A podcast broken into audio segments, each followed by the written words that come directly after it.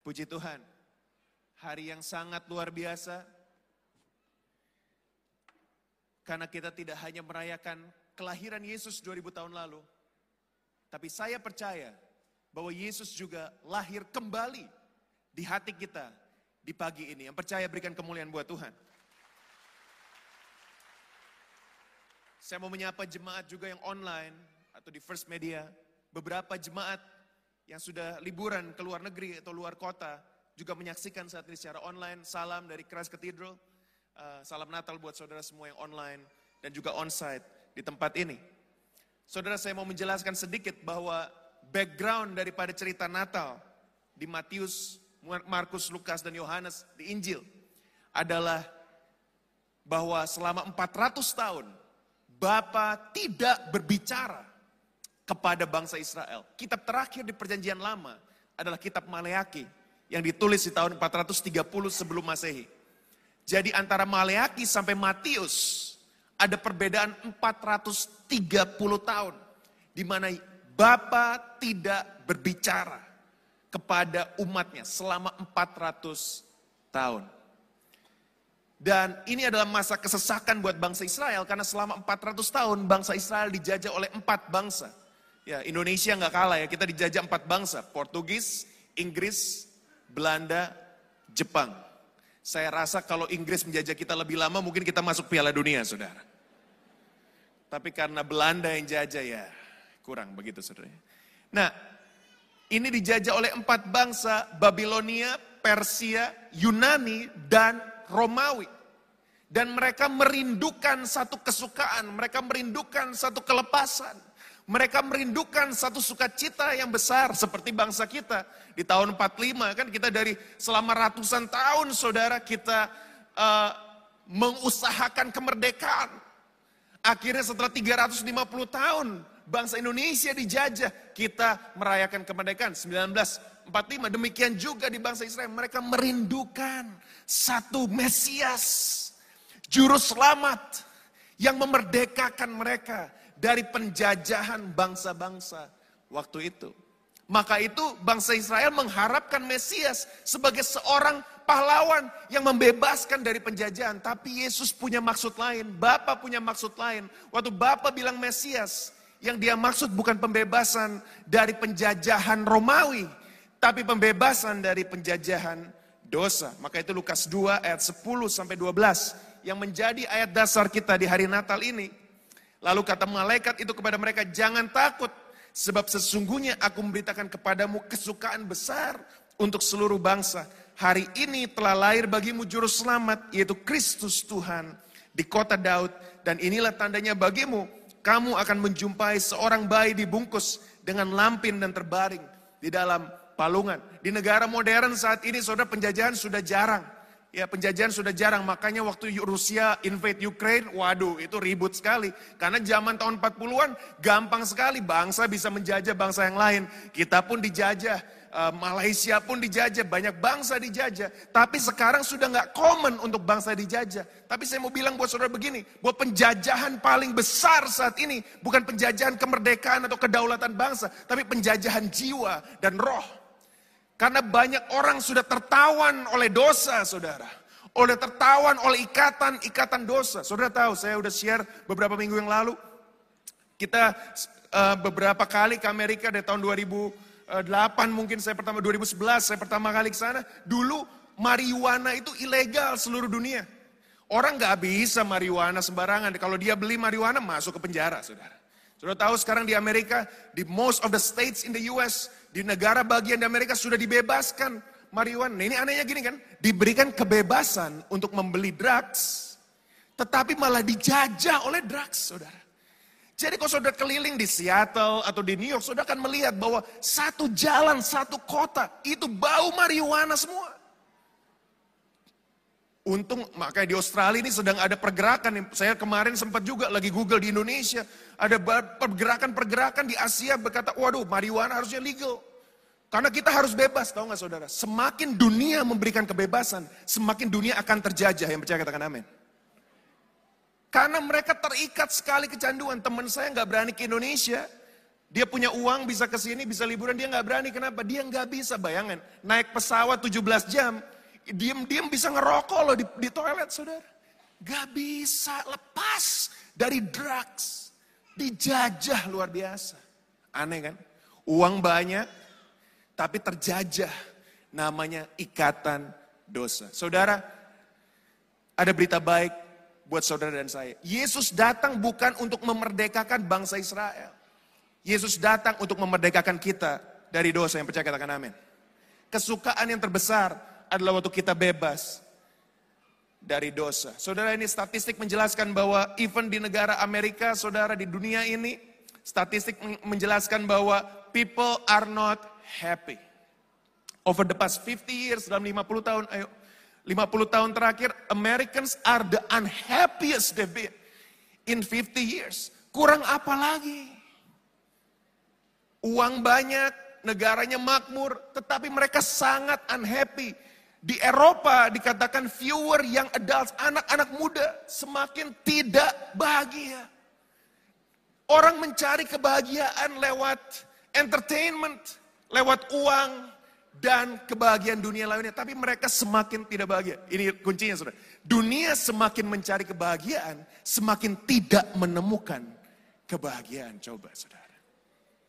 Sekarang ini saya tuh kaget banget. Dulu namanya bunuh diri itu, oh orang putus cinta bunuh diri, orang apa bisnis gagal bunuh diri. Sekarang anak kecil, anak remaja bisa depresi bunuh diri. Bagaimana ini? Bayangkan di Amerika pendeta bunuh diri. We are talking about a crisis karena orang mencari kebahagiaan di dunia. Tapi mereka tidak menemukan kebahagiaan. Saudara, satu teori tentang kebahagiaan yang dijelaskan di ilmu psikologi namanya Maslow's Hierarchy of Needs. Ya, ini hierarki yang diajarkan di semua lah, di marketing, di manajemen, di SMA, di psikologi diajarkan gini, oh kamu kalau mau bahagia, kamu harus mencukupi semua kebutuhan ini. Yang paling bawah namanya physiological needs, yaitu sandang, pangan, papan. Saudara makan enak, saudara happy. Baju saudara bagus, wah saudara by the way hari ini saudara terlihat sangat cantik dan sangat ganteng walaupun pakai masker. Bayangkan tahun depan kalau kita sudah nggak lepas, sudah lepas masker, saudara, lebih cantik dan lebih ganteng lagi, amin. Tapi enaknya kalau ibu-ibu pakai masker nggak perlu pakai lipstick, bu ya, karena nggak kelihatan juga. Nah, jadi kalau saudara di sini dikatakan sandang pangan papan, happy. Bajunya bagus, Natalan, baju warna kuning, merah, hijau. Saya seperti lihat saudara, seperti lihat pohon Natal, saudara. Merah, hijau, putih, right? So you're happy. Lalu kedua, kalau sudah sudah sandang pangan papan, naik ke atas. Namanya safety. Ya, keamanan. Wah, sekarang ini paling laku. CCTV, alarm system, ada hansip, ada satpam, ada yang jaga rumah, ada company-company yang ter, terkaya di dunia ini. Company apa? Security company, saudara. Yang jaga-jaga. Kenapa? Karena kita mau safe. Kalau saudara punya 10 satpam, you will feel happy. Wah, katanya kalau kita aman, maka kita tenang, hidup lebih nikmat lebih suka cita. Yang ketiga saudara, katanya kalau kita ada social needs terbutuhi, punya pacar, punya pasangan, punya banyak teman, kita akan bahagia. Yang keempat, esteem needs, sudah kelihatan cantik, dibilang, wah kamu cantik, dipuji, ngepost hari ini di Instagram dengan keluarga, ada yang muji, bagus banget fotonya, you feel happy, katanya. Dan yang kelima adalah aktualisasi, ini orang yang sudah benar-benar mencapai puncak sekali kehidupan. Ini seperti Lionel Messi habis memenangkan Piala Dunia begitu saudara ya. Nah saudara yang mengikuti khotbah saya, saya bilang nih, di awal November, Piala Dunia belum mulai, saya udah bilang, Argentina menang, gak percaya nih. Jemaat gak percaya nih, oh pastor. Terus begitu saya bilang Argentina menang, besoknya kalah lawan Saudi Arabia 1-2-1. Tapi ternyata saudara walaupun kalah di awal, menang di akhir. Demikian juga dengan hidup kita. Kita bisa kalah di awal, tapi menang di akhir bersama dengan Yesus. Haleluya.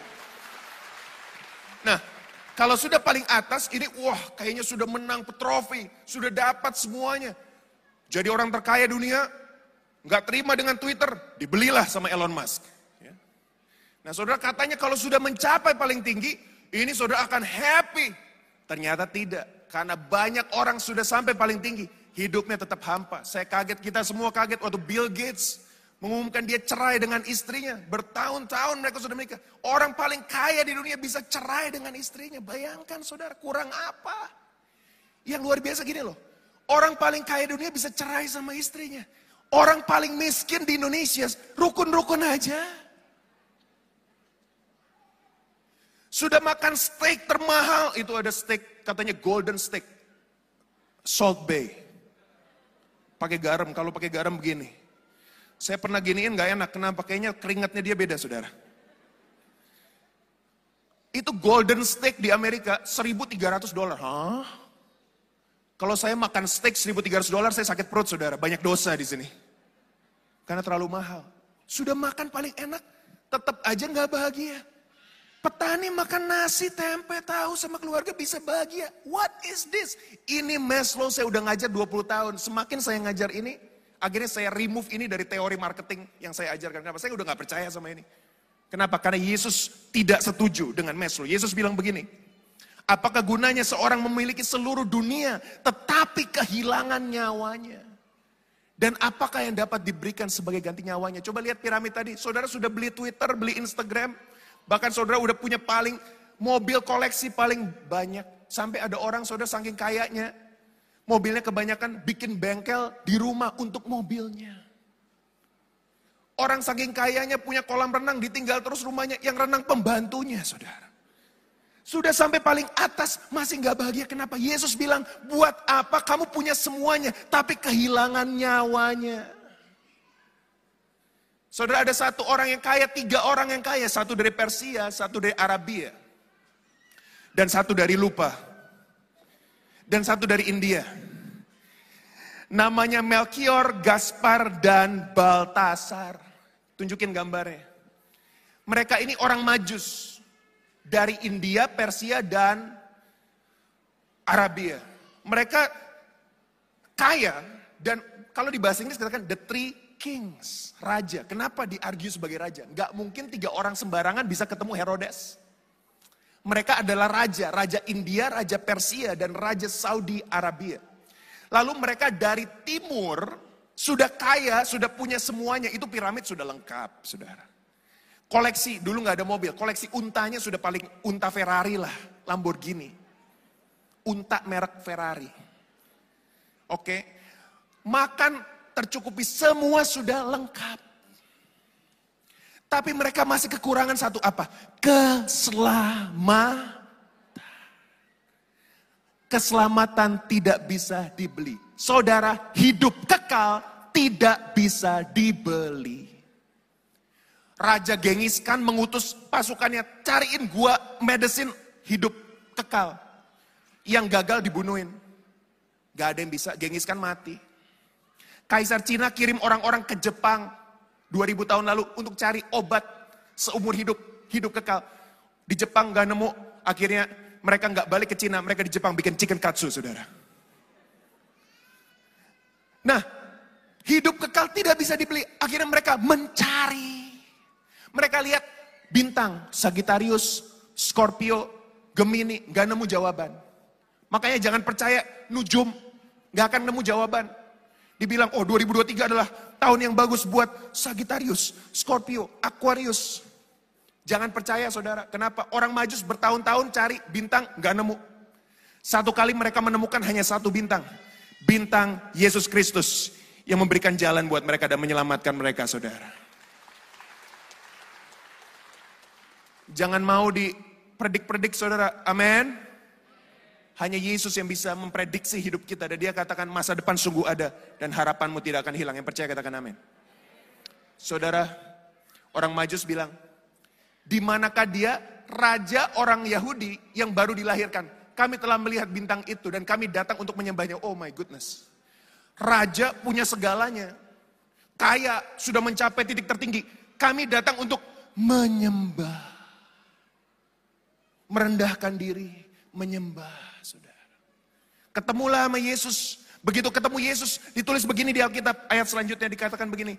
Ketika mereka melihat bintang itu, sangat bersuka citalah mereka. Saudara waktu ketemu Yesus baru mereka bilang, this is the greatest joy. Bukan makanan sandang pangan papan, halo. Bukan keamanan jasmani, halo. Bukan Instagram follower banyak, kalau satu juta follower atau 10 juta happy, no, no, no. Kita ketemu selebriti, teman-teman kita yang bukan anak Tuhan. Atau belum percaya kepada Yesus, mereka bilang kita banyak followers, but I don't have any friends. Tahukah saudara Instagram followers saudara bukan benar-benar followers. Mereka hanya kepo akan hidup saudara. Satu-satunya orang yang mengikuti saudara seumur hidup saudara namanya Yesus Kristus. Dan dia ada di tempat ini pagi ini. Dia akan mengikuti kebajikan dan kemurahan. Will follow you. Amin. Begitu mereka menemukan Yesus, mereka bilang, oh this is it. Inilah sukacita. Enggak, enggak, enggak, sebelum. Sukacita yang terbesar. The greatest joy. Oh, this is the one. Makanya kan anak-anak muda pikir, waduh kalau saya punya pacar, saya akan bersuka cita. Ketemu pasangan bukan tambah suka cita, tambah duka cita. Kalau bukan dari Tuhan. Pastor, saya masih sekolah, kalau saya dapat kerja pasti saya suka cita. Dapat kerja bukan tambah suka cita, tambah duka cita. Apalagi kalau angpauan yang lain dapat gotiau, kita cuma dapat goceng. 5 ribu. Bukan itu yang kita cari. Maka itu menurut Yesus, Meslo salah. Saya berikan saudara satu fondasi kekristenan pagi ini. Lihat piramid ini, saya tambahkan satu di paling bawah. Namanya Jesus. Joy has a name. And his name is Jesus. Yesus menjadi kebutuhan dasar. Kita semua yang percaya kita berikan kemuliaan buat Tuhan. Matius 6 ayat 33 berkata, carilah dahulu kerajaan Allah dan kebenarannya, maka semuanya itu akan ditambahkan kepadamu yang percaya katakan amin. Kalau kita tidak punya Yesus, duit kita sebesar apa pun saudara, rumah kita sebesar apa pun, harta kita sebanyak apa pun, semuanya tidak ada artinya. Betul? Aku datang untuk memberi hidup dan memberinya dalam segala kelimpahan. Mazmur 23 berkata, Tuhan adalah gembalaku, takkan? Saya tanya, Tuhan, oh berarti kalau ikut Tuhan pasti diberkati, bukan itu. Daud bilang gini, karena Tuhan adalah gembalaku, aku gak akan pernah merasa kurang. Karena makan bisa nasi sama tempe, kalau ada Yesus kerasanya sangat sukacita. Rumah boleh kontrak, gak ada AC, tapi ada Yesus kerasa sukacita yang percaya katakan amin. Saya saudara puji Tuhan, saya punya rumah, puji Tuhan, kemurahan Tuhan, semua mujizat Tuhan. Tapi waktu saya iring Tuhan, saya ngekos saudara di Melbourne, saya ngekos. Kamar mandinya sharing sama dua orang India. Gak perlu saya detail saudara ya. Mohon maaf, saya jorok saudara. Tapi housemate saya lebih jorok tiga kali lipat dari saya. Waktu orang tua saya datang bilang, kasihan kamu nak. Saya dari rumah paling wah gak layak tinggal lah saudara. Sampai rumah yang nyaman. Tapi kalau saudara tanya saya, apakah sukacita Bapak berkurang bertambah? Enggak. Sukacita saya tetap sama. Karena sukacita saya ada di paling bawah. Dasar sukacita saya. Bukan harta, bukan sandang, pangan, papan. Tapi Yesus, the greatest joy in my life. Now, saya akan akhiri piramid ini dengan satu kesaksian, saudara. Oke? Okay? Saya melayani banyak orang dari segala kalangan saudara. Indonesia sangat lihat status sosial, saya melayani semua orang. Saya nggak lihat status sosial, mobil, rumah, I don't care. Menurut saya semua orang yang ikut Tuhan perlu dilayani, yang percaya katakan amin. Right? Now I met beberapa orang dan saya ketemu satu orang suami istri. Mungkin ada di sini saat ini. Yang secara piramid tadi saudara mungkin hidupnya bukan berkelimpahan secara jasmani. Mereka datang ke gereja juga naik kendaraan umum. Bersama dengan teman-teman FC. Kita punya FC di sini, Family Community Small Groups. Waktu saya datang, saudara mereka sangat sederhana sekali. Tapi mereka sangat penuh sukacita. Lalu nyanyi bapak ini di depan sama istrinya. Selesai dari ibadah, pemusik bisa maju ke depan. Selesai dari ibadah, saudara. Ibunya datang ke saya bilang gini, Pastor,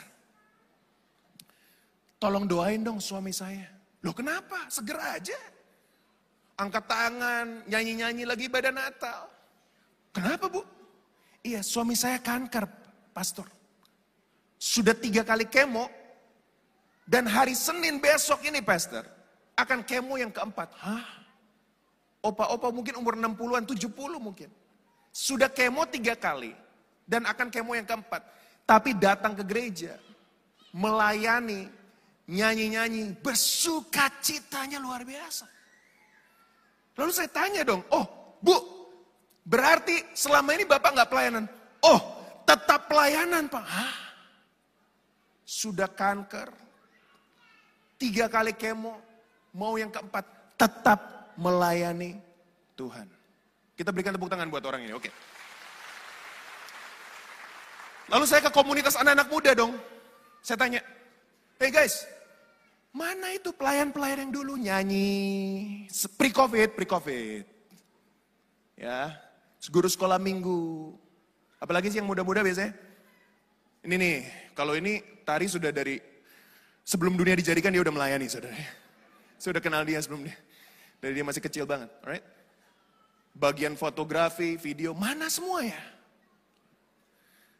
Mereka bilang, iya pastor, anak-anak muda ini waktu lagi covid, mereka diberkati pastor. Hah? Muka bengong di Zoom. Hah? Di apa? Sorry, sorry, sorry. Diapain? Diberkati. Dapat kerjaan. Oh, dapat kerjaan. Iya. Jadi waktu sebelum COVID, gak ada kerjaan pastor. Doa pastor, Tuhan tolong saya Tuhan. Engkaulah sukacita terbesar dalam hidupku Yesus. Haleluya. Amin. Glory. Shalom. Lagi COVID diberkati pastor. Oh diberkati ya? Iya. Terus gimana? Dapat kerjaan. Jadi sekarang sibuk. Apa pak? Saya deketin nih kamera nih. Apa pak? Alasannya kenapa nggak pelayanan pak? Sibuk. Ini generasi muda menyedihkan loh kalau kayak gini saudara. Kalau saya jadi Tuhan ya, oh gitu ya. Diberkati nggak pelayanan. Kalau saya jadi Tuhan saudara, udah deh gue nggak berkati lagi. Tapi Tuhan kita memang lebih baik sih. Kalau Tuhan itu saya, mati semua kita saudara. Termasuk saya. Tuhan tuh baik. Ya udahlah, anaknya diberkati nggak pelayanan ya udahlah nggak apa-apa. Udah nggak apa-apa. Baiknya luar biasa tau gak saudara. Saya bandingkan cerita opa-opa ini kanker empat kali kemo. Anak muda sehat walafiat di dalam Tuhan. Diberkati, puji Tuhan diberkati. Gak pelayanan, gak ke gereja. Kenapa? Bedanya satu. Buat beberapa anak-anak muda ini, sukacitanya dari, tanda kutip ya, berkerjaan. Angpau. Fulus uang duit saudara. Tapi buat opa-opa ini, berkat dan sukacita sejati di piramid tadi saudara. Paling bawah namanya Jesus, the greatest joy.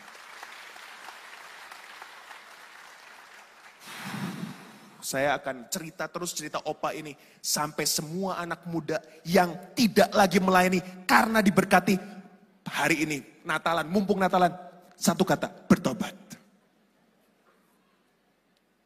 Karena berkat terbesar adalah melayani Tuhan. Berkat terbesar adalah hadirat Tuhan. Amin. Saya punya satu cerita, saudara. Tiga hal saya mau share buat saudara. Gimana sih pastor saya bisa punya sukacita yang besar? Yang pertama saudara, percaya pada Yesus. Mungkin saudara bilang, saya percaya pada Yesus kok pastor. Saudara percaya pistuo bukan hanya percaya, mempercayakan dirinya kepada Kristus. Saya mau tanya saudara di sini, saudara percaya firman Tuhan? Ya semua pasti amin. Lebih keras dong, saudara percaya firman Tuhan? Pastor Billy share nih minggu lalu. Besok saya akan jalan-jalan sama keluarga besar. Kita mau coba ke Dubai. Anak saya yang pertama namanya Zayden, umur 8 tahun, dia belum pernah ke Dubai. Saya juga belum pernah. Tapi begitu dia dengar dari saya, saya bilang, Zayden, setelah Natal kita akan ke Dubai. Dia pakai HP-nya untuk Google, what is Dubai? Dia nemu, oh ada kolam renang, ada roller coaster. Lalu karena dia pegang kata-kata saya, dia setiap kali ketemu saya dia dan ketemu opanya bilang, Opa, when are we going to Dubai? Nanti dua minggu lagi. Besok kita tanya lagi berapa? 13 hari. Dia hitung waktu terus. Sampai hari ini dia tahu. Saya tanya, Seden, besok kita ke mana? Dia bilang, Dubai. Anak kecil yang gak pernah mengalami Dubai. Gak pernah ke sana tapi dia bisa tahu dan dia yakin 100%. Dia pasti pergi karena dia pegang kata-kata saya. Bapaknya, saudara. Waktu Yesus bilang, aku tahu rencangan apa padaku mengenai kamu, rancangan damai sejahtera. Saudara bilang, iya saya percaya, tapi Tuhan, ada tapinya. Maka Yesus bilang, kalau imanmu tidak seperti anak kecil ini, kamu tidak akan masuk kerajaan surga. Kenapa? Anak kecil kalau dibilangin pasti percaya. Umur 12 mulai ada keraguan. Saya pendeta, tapi saya ajarin anak saya Santa Claus. Dengan kerohanian saudara ya. Santa Claus itu utusan Tuhan. Ya, begitulah kira-kira saudara ya. Jadi disambungin sama Alkitab sedikit. Sampai umur 8 masih percaya. Pasti nanti umur 12, wah ternyata nggak ada. Aduh, ada anak kecil di sini, nggak boleh ngomong. Ada, ada, ada. Ada, ada. Hmm. Ada ya. Utusan Tuhan itu. Kamu harus baik ya di rumah. Oh gak dapat tadi pagi. Oke doa lagi malam dapat. Nah saudara, orang tambah besar akan tambah namanya skeptik. Kenapa? Tadinya percaya, believe in Jesus. Tapi setelah dewasa, ayo, tapi setelah dewasa menjadi percayanya bukan believe, mempercayakan diri. Percayanya jadi teori. Ya tahu lah tahu. Eh, no, no, no. Benar-benar percaya. Saudara 2023 diprediksi oleh Bank Dunia dan bank-bank lainnya Termasuk bank-bank yang terkenal, saudara. Bank Joko. Diprediksi katanya dunia akan mengalami kegelapan. Akan ada dark period. Australia udah ketar-ketir. Karena interest rate naik, naik, naik terus. Tapi kalau kita percaya pada Yesus, harusnya masa depan kita bukan di tangan bank, bukan di tangan dunia, tapi masa depan kita ada di tangan Tuhan. Yang memegang kita di dalam tangannya saudara. Yang pertama kalau sudah mau hidup penuh sukacita, believe in Jesus. Bukan cuma percaya, percayakan dirimu kepada Yesus. Seperti orang majus, dia datang menyembah, I believe in Jesus. Yang kedua saudara, jangan cuma percaya pada Yesus. Tapi buka hati kita buat Yesus. Saya yakin saudara 95% orang di tempat ini mungkin Kristen, mungkin saudara Kristen dari lahir. Tapi waktu saya umur 15 tahun, pertama kali saya membuka hati saya buat Yesus. 2000 tahun yang lalu, Maria Yusuf, Maria sedang mengandung. Wah sudah mau lahiran. Dia ketuk banyak pintu. Sorry pak, nggak ada tempat. Yesus mengetuk pintu hati. Sorry Yesus, saya lagi sibuk. Saya sibuk. Gak ada waktu buat Tuhan. Gak ada tempat buat Tuhan. Hari ini di tahun 2022, Yesus mengetuk pintu lagi saudara.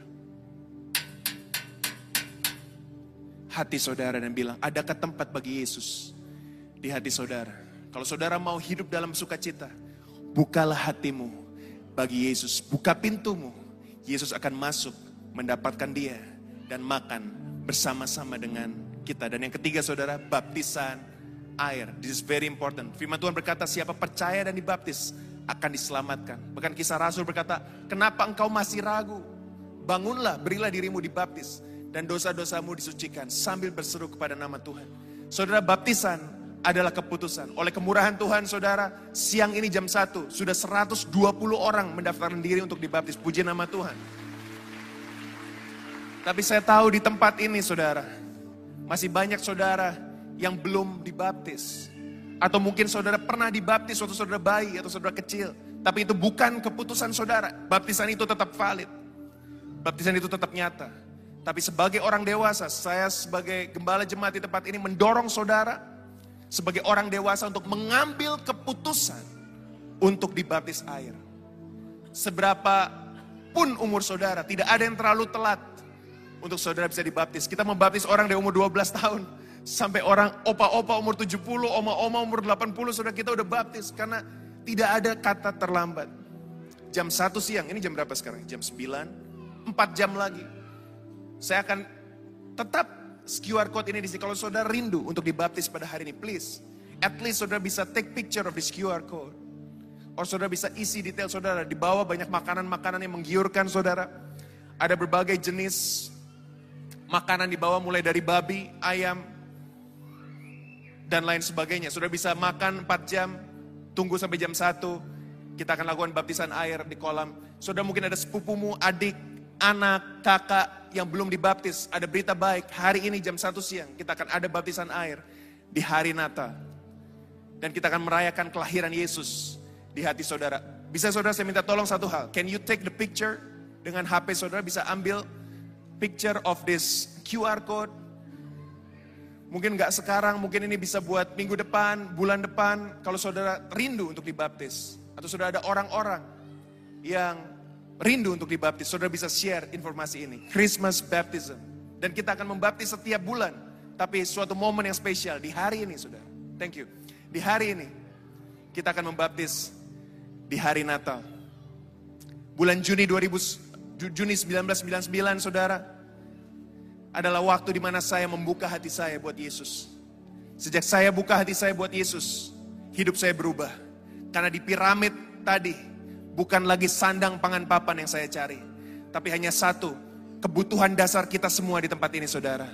Satu kebutuhan dasar kita, namanya Yesus Kristus yang lahir 2000 tahun lalu. Dan Yesus ada di gereja ini, Yesus ada di ruangan ini, dan Yesus siap menjamah setiap hati kita. Biarlah sukacita terbesar di hari Natal Yesus Kristus sendiri masuk kembali ke hati kita dan memberikan kita sukacita yang kekal yang tidak bisa dunia tawarkan. Karena sukacita terbesar ada di dalam Yesus Kristus. Yang percaya katakan, Mari bangkit berdiri bersama-sama saudara. Kita minta Tuhan menjamah hati kita. Katakan, dia jamah segenap hidupku. Dan beri damai di hatiku semua semua telah berubah dan aku tahu Yesus jamah ku jadi online maupun onsite nyanyikan lagu ini bersama-sama katakan dia jamah segenap hatiku minta jamahan Tuhan pagi ini. Dia jamah segenap hidupku. Dan beri damai di hatiku. Katakan semuanya telah berubah Tuhan. Oh haleluya. Semua telah berubah dan aku tahu Yesus jamah ku jadi baru Dia jamah segenap hidupku, come on Dia jamah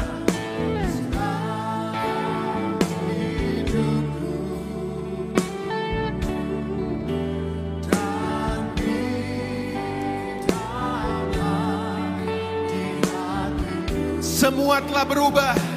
Dan kami tahu satu hal Tuhan. Telah berubah.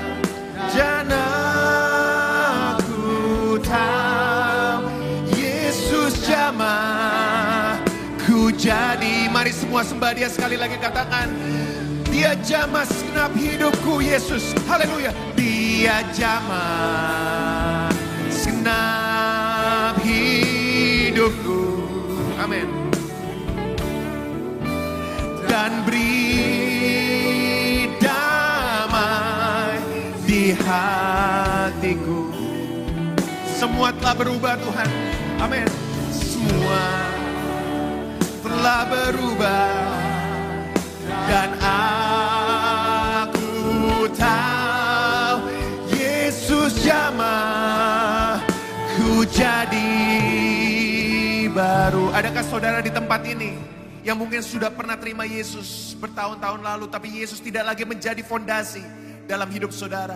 Di piramid tadi, sandang pangan papan paling bawah, esteem sosial dan lain sebagainya. Tapi Yesus sudah menghilang dari piramid prioritas dalam hidup saudara di hari Natal ini. Yesus kembali mengetuk hati saudara dan berkata, Barang siapa membukakan pintu, aku akan masuk mendapatkan dia dan makan bersama-sama dengan dia. Saya mau undang saudara untuk mengangkat tangan hitungan ketiga nanti untuk menerima kembali Yesus. Jadi bagi saudara sudah pernah mungkin menerima, tapi saudara mungkin jauh dari Tuhan dan dia tidak lagi jadi prioritas dalam hidupmu. Saya akan minta saudara nanti hitungan ketiga untuk saudara berdoa bersama dengan saya. Tanpa maju ke depan, hanya saudara dengan Tuhan, semua mata terpejam. Oke, dan yang kedua, adakah saudara yang belum pernah sama sekali menerima Yesus? Mungkin kau lahir dari keluarga orang percaya atau bukan. Engkau datang ke tempat ini karena teman ngajak buat saya tidak ada yang kebetulan di rumah Tuhan. Yang ada hanyalah kebenaran di rumah Tuhan. Dan ini kebenaran itu. Yesus datang untuk memberimu hidup. Hidup penuh sukacita. Karena dia adalah our greatest joy. Hari ini saudara, saya akan undang saudara yang belum pernah menerima Yesus. Atau sudah pernah tapi saudara mungkin jauh dari Tuhan. Untuk sama-sama berdoa mengundang kembali dia. Masuk dalam hatimu. Saudara siap? Saya hitung sampai tiga. Tidak perlu maju ke depan, jangan lihat kanan kiri, lampu sudah didudupkan. Semua mata terpejam, hanya saudara dan Tuhan dan saya yang bisa melihat. Saya akan hitung sampai tiga. Kalau saudara mau berdoa bersama dengan saya, angkat tangan dalam hitungan ketiga di hari Natal ini. Undang dia kembali saudara. Menjadi prioritas utama dalam hidupmu. Sukacita terbesar dalam hidupmu. Sudah siap? Satu, Tuhan Yesus mengasihimu. Dua, dia lahir 2000 tahun yang lalu di Palungan dan mati di kayu salib supaya saudara mendapat hidup yang kekal. Sukacita keselamatan melebihi segalanya saudara nggak bisa dibeli. Dan sukacita itu ada di gereja ini, di tempat ini, detik ini juga. Kalau saudara mau mengundang kembali Yesus masuk ke dalam hatimu, Mari angkat tangan sekarang juga. Satu, dua, tiga. Lebih tinggi, lebih tinggi. God bless you. Lebih tinggi lagi. Terima kasih Tuhan. Lebih tinggi. Terima kasih. Terima kasih. God bless you. Lebih tinggi. Lebih tinggi lagi. Terima kasih. Tuhan berkati. Terus. Terus. Terus. Thank you. Thank you Jesus. Thank you. Lebih tinggi lagi. God bless you. Thank you. Online. Onsite. Saya tunggu lima detik. Terima kasih Tuhan. Terima kasih. Saya melihat saudara. Terima kasih. Lebih tinggi. Saudara. Terima kasih. Yes. God bless you. Empat. Tiga dua, satu. Thank you. Yang sudah angkat tangan, tetap angkat tangan. Ucapkan doa ini bersama dengan saya, onsite maupun online.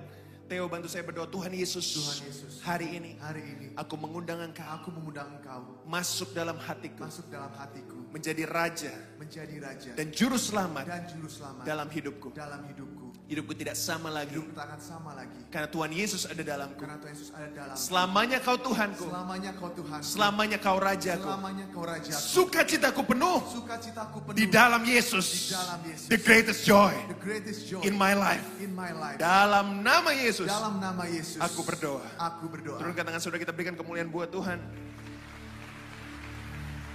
Saudara gereja menyediakan buku ini. Yang akan membantu saudara tadi saya lihat saudara waktu uh, baptisan banyak saudara yang sudah isi. Thank you so much. Karena baptisan tinggal tiga jam lagi. Saya mau undang saudara yang tadi sudah daftar. Untuk saudara bisa segera nanti setelah doa berkat ke counter. Kita akan memberikan baju dan handuk buat saudara supaya saudara bisa ganti. Makan dulu di bawah tiga jam. Lalu kita baptisan air. Saudara buku ini akan menjelaskan kepada saudara semua kebutuhan rohani saudara. FC, baptisan, mengikut Kristus dan lain sebagainya. Kalau saudara perlu, tim host kami akan memberikan buat saudara waktu saudara jalan keluar nanti. Saudara siap terima berkat Tuhan sebelum saudara pulang? Amin.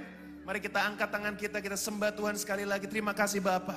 Dia jama segenap hidupku. Mari minta jamaah Tuhan sebelum kita pulang pagi ini. Katakan dan beri damai di hatiku. Semua akan berubah Tuhan. Amin. Katakan semua telah berubah. Dan Siapa saudara? Yesus jamah ku jadi. Baru semua jemaat Tuhan. Katakan dia jamah haleluya. Dia jamah segenap hidupku kami damai Tuhan. Dunia tidak bisa berikan. Hanya Yesus yang bisa berikan damai yang sejati. Katakan semua, semua telah berubah. Dan aku Yesus jamah. Ku jadi semua telah berubah semua telah berubah dan aku tahu Yesus jamah ku jadi baru. Semua telah berubah Tuhan. Haleluya. Oh semua telah berubah. Oh la.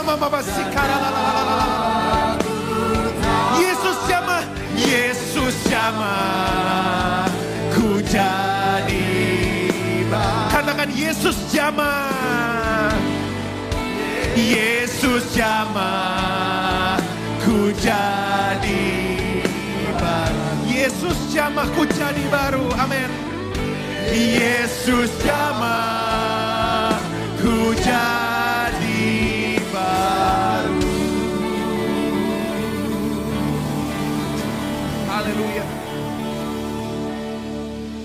Bapak kami yakin dan percaya Tuhan bahwa sukacita terbesar ada dalam Yesus.